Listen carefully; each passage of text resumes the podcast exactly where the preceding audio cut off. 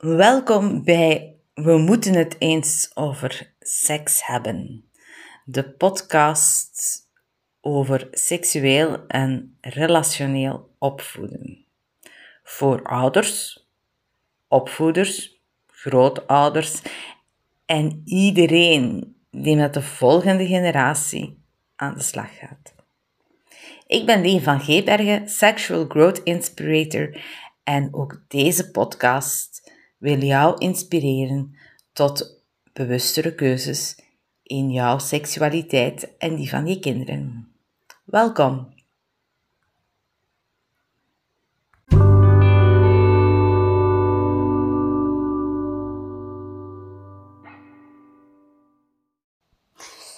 In deze podcast wil ik het vandaag hebben over lichaamsbeleving en lichaamsbeeld.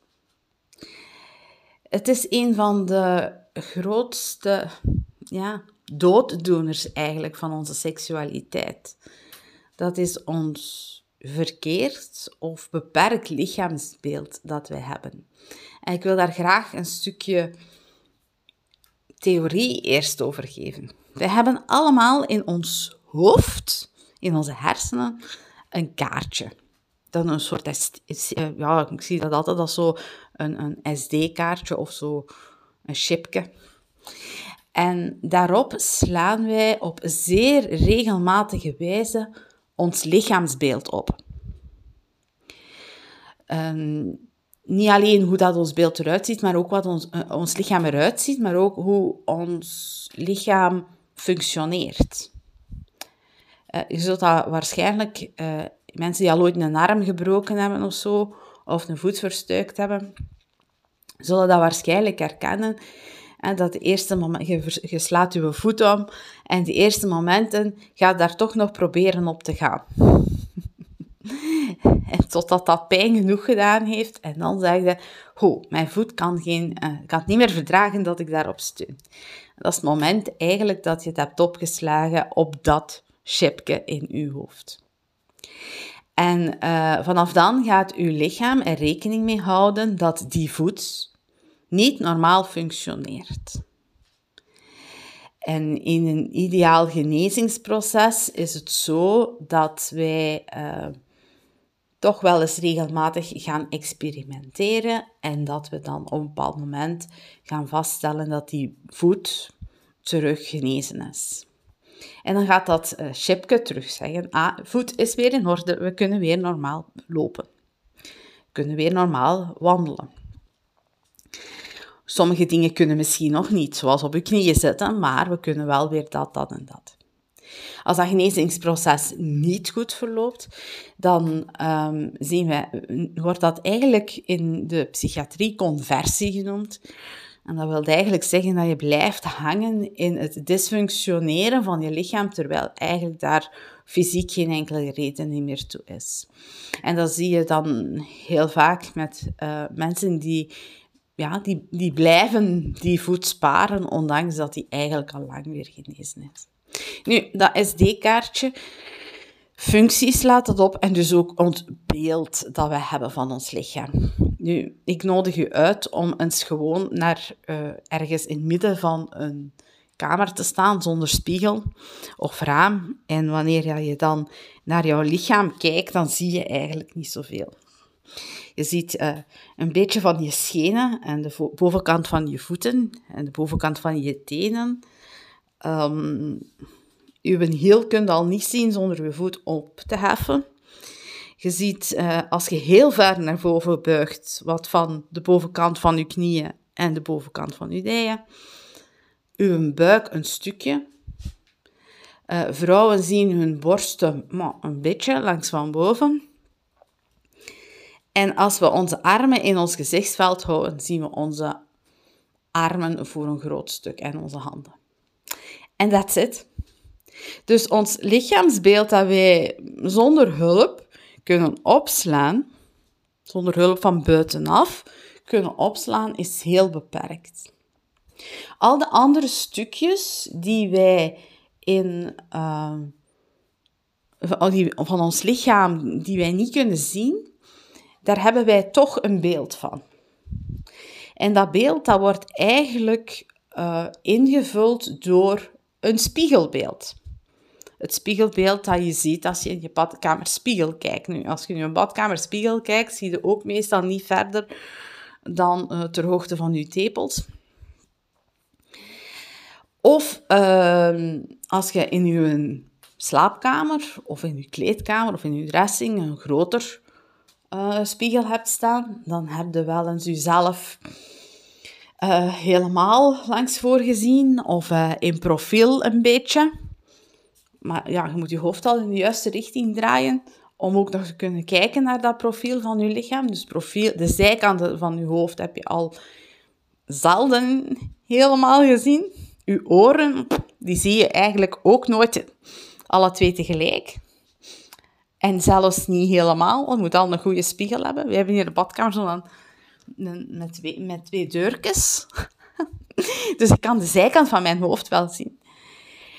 Maar ja, onze rug, die zien we eigenlijk bijna nooit. Onze billen, dat moet je al echt in een 360 graden spiegel gaan zetten. Of in een dubbele spiegel, zoals in de kleedkamertjes en in, een, in, in een kledingwinkel. Ehm, de achterkant van onze billen, onze dijen, die zien we eigenlijk ook nooit niet. En toch hebben we daar een beeld van. Nu, het beeld dat we daarvan hebben is ingevuld door het beeld dat we zien van anderen. En dat begint al heel vroeg. Een kind dat zijn of haar ouders naakt ziet, gaat zijn beeld van zijn achterkant invullen met het beeld dat hij heeft van de achterkant van zijn ouders. Dus als je regelmatig uw mama of uw papa ehm, in hun blootje hebt gezien, bijvoorbeeld in de douche, uh, maar ook al, eigenlijk al in het zwembad, hè? papa met een zwembroek aan, mama met een bikini aan, uh, dan, zie je, dan is dat beeld eigenlijk ingevuld met beeld van uw mama en papa. Of wanneer dat je, als je wat ouder bent, regelmatig naar de sauna gaat, openbare sauna, maar ook zelfs een sauna waar dat nog met, met bikini, ja, daar zie je toch de lichaamsbeelden die je gebruikt om eigenlijk je, achter, eigen achterkant in te vullen.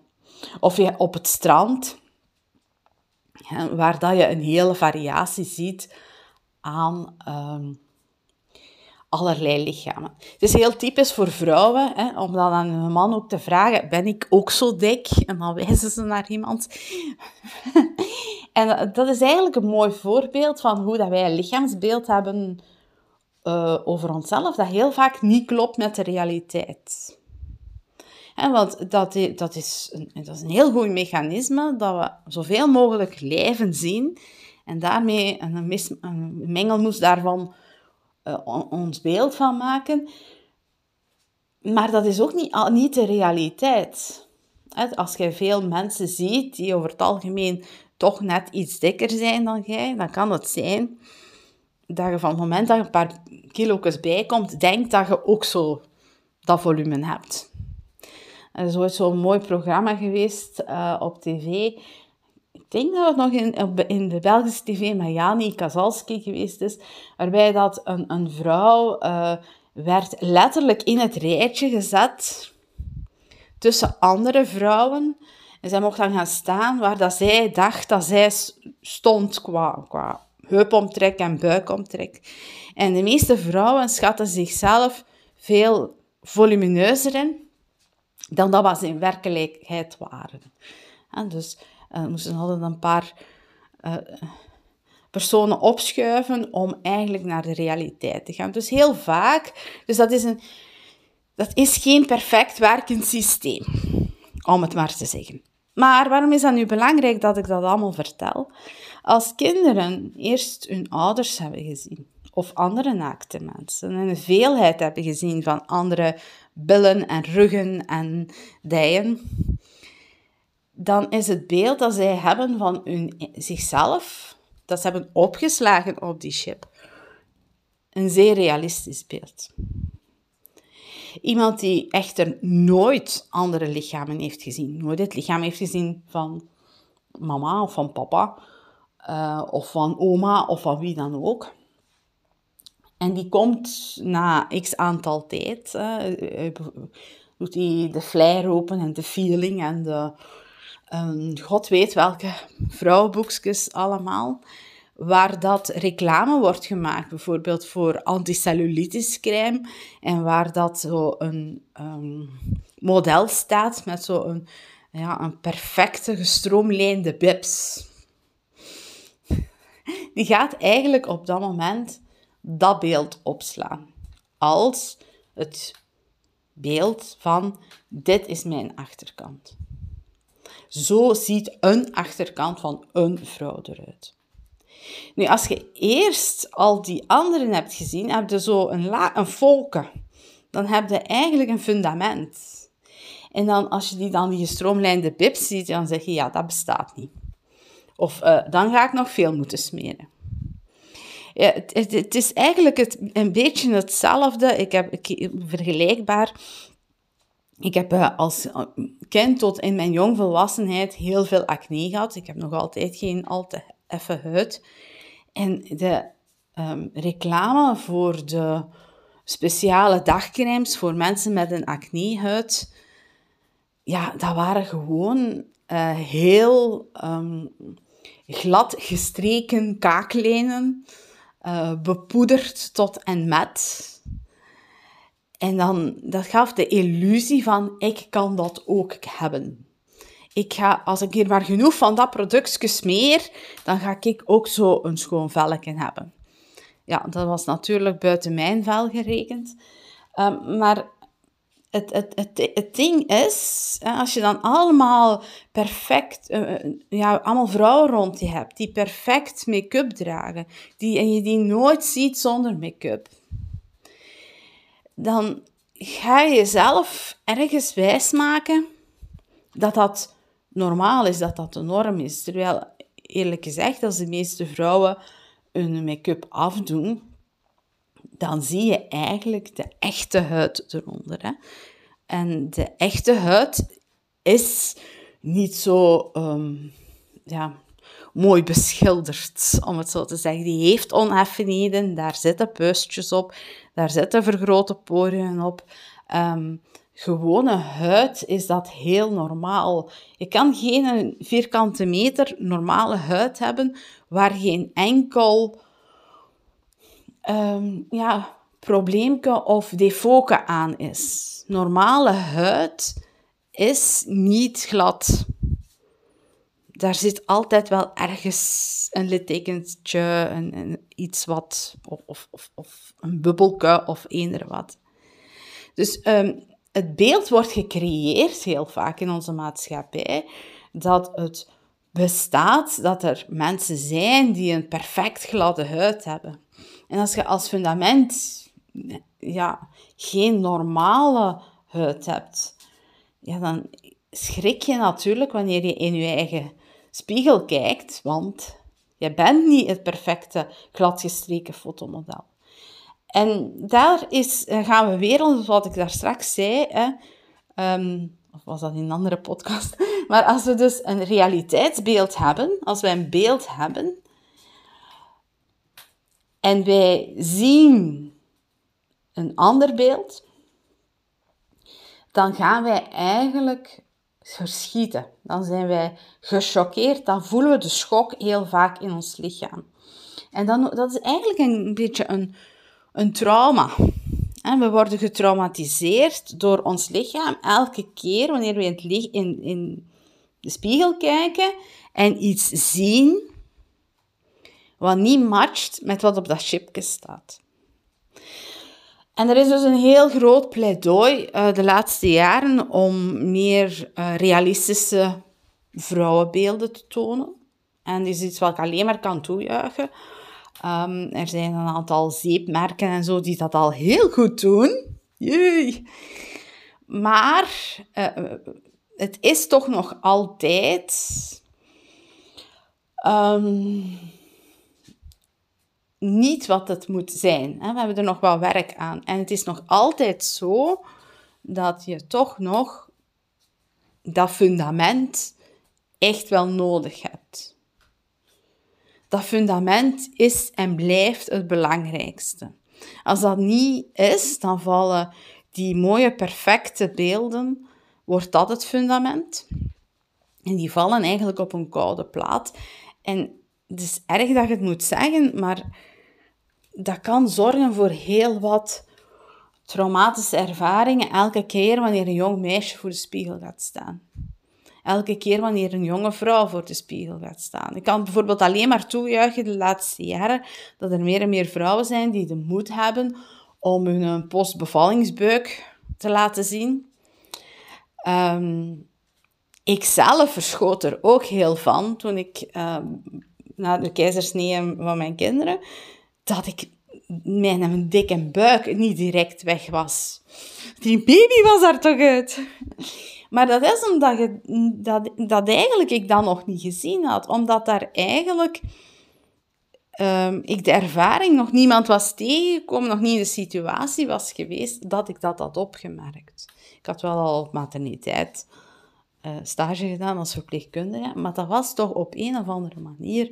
En heb ik heel veel pas bevallen vrouwen gezien, maar op een of andere manier was dat nooit doorgedrongen. Daarom is het zo belangrijk dat we um, in familieverband um, ook dat soort dingen, en niet alleen in gezinsverband, maar ook in familieverband, dat soort dingen aan elkaar tonen. Dat het nichtje dat pas bevallen is, dat ook laat zien dat zij ook nog een dikke buik heeft. En dat, ze, en, en, en dat soort dingen meer. Het, het is, vroeger woonden we en leefden we samen met grotere gezinnen en had je die dingen heel vaak al gezien.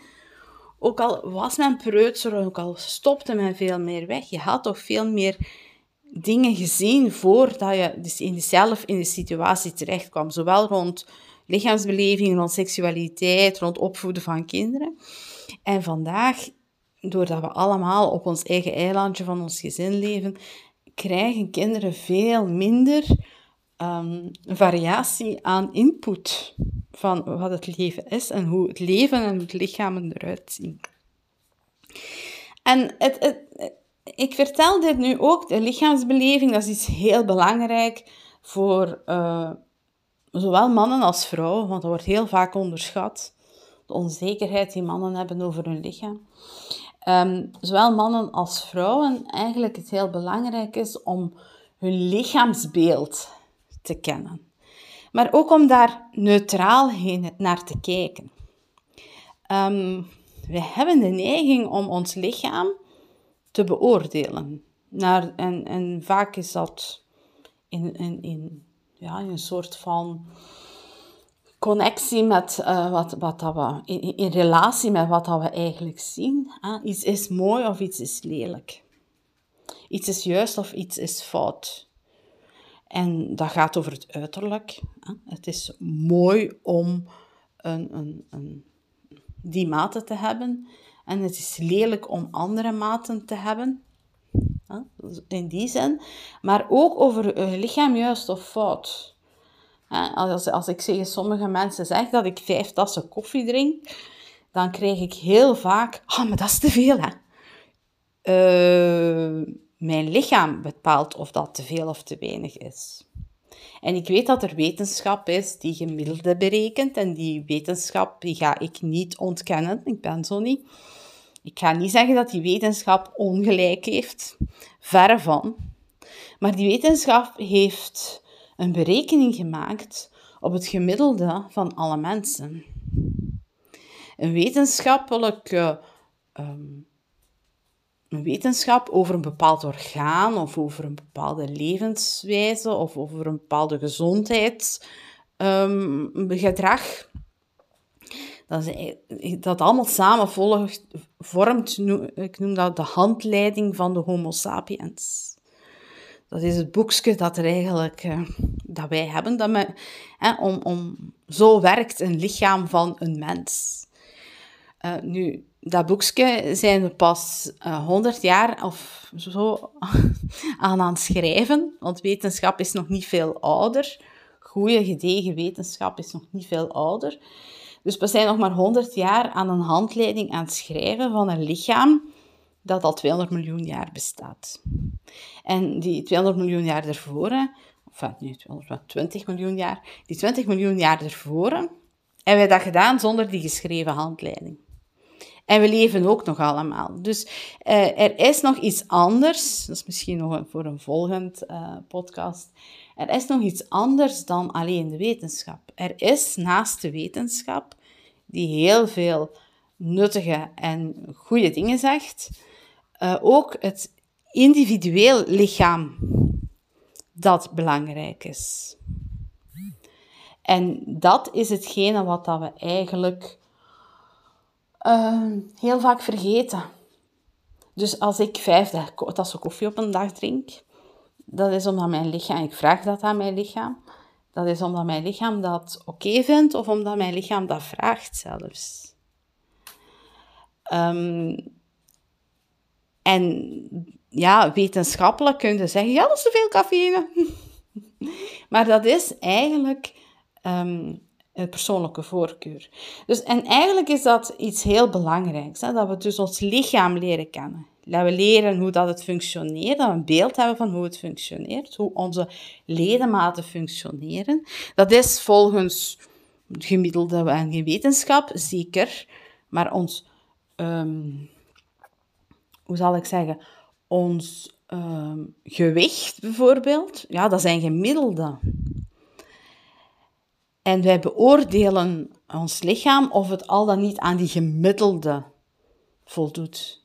Hoe zou het zijn om aan ons lichaam te vragen hoeveel het wilt wegen? En ik weet dat ik nu in deze podcast nog niet zo heel veel gezegd heb over opvoeden. Uh, maar ik, ik, ik wil even dit als voorbeeld nemen. Um, hoe belangrijk het is dat wij als opvoeder, als ouder, eerst onze eigen issues op orde hebben of on the road naar. Hè. Ook aan onze eigen issues werken, aan ons eigen lichaamsbeeld werken, aan onze eigen verwachtingen van ons lichaam werken, aan onze eigen seksualiteit werken, aan onze eigen drempels werken, om een betere ouder of opvoeder te zijn naar de volgende generatie. Want ik zet hier in mijn praktijk heel vaak mensen, als ik met hen spreek, waar is het beginnen fout lopen in het probleem dat je vandaag hebt? Dan gaan we heel vaak terug naar de tijd van de opvoeding, naar de tijd van toen zij kind waren. En dat hoeft niet determinerend te zijn, maar als daar de zaadjes zijn geplant, als daar de fundamenten zijn gelegd, dan moeten we die vandaag een beetje herschikken. Om te zorgen dat leven vandaag iets gemakkelijker wordt. Dus ik hoop dat deze podcast inspirerend was om eens te kijken naar uw eigen lichaam. Bye bye.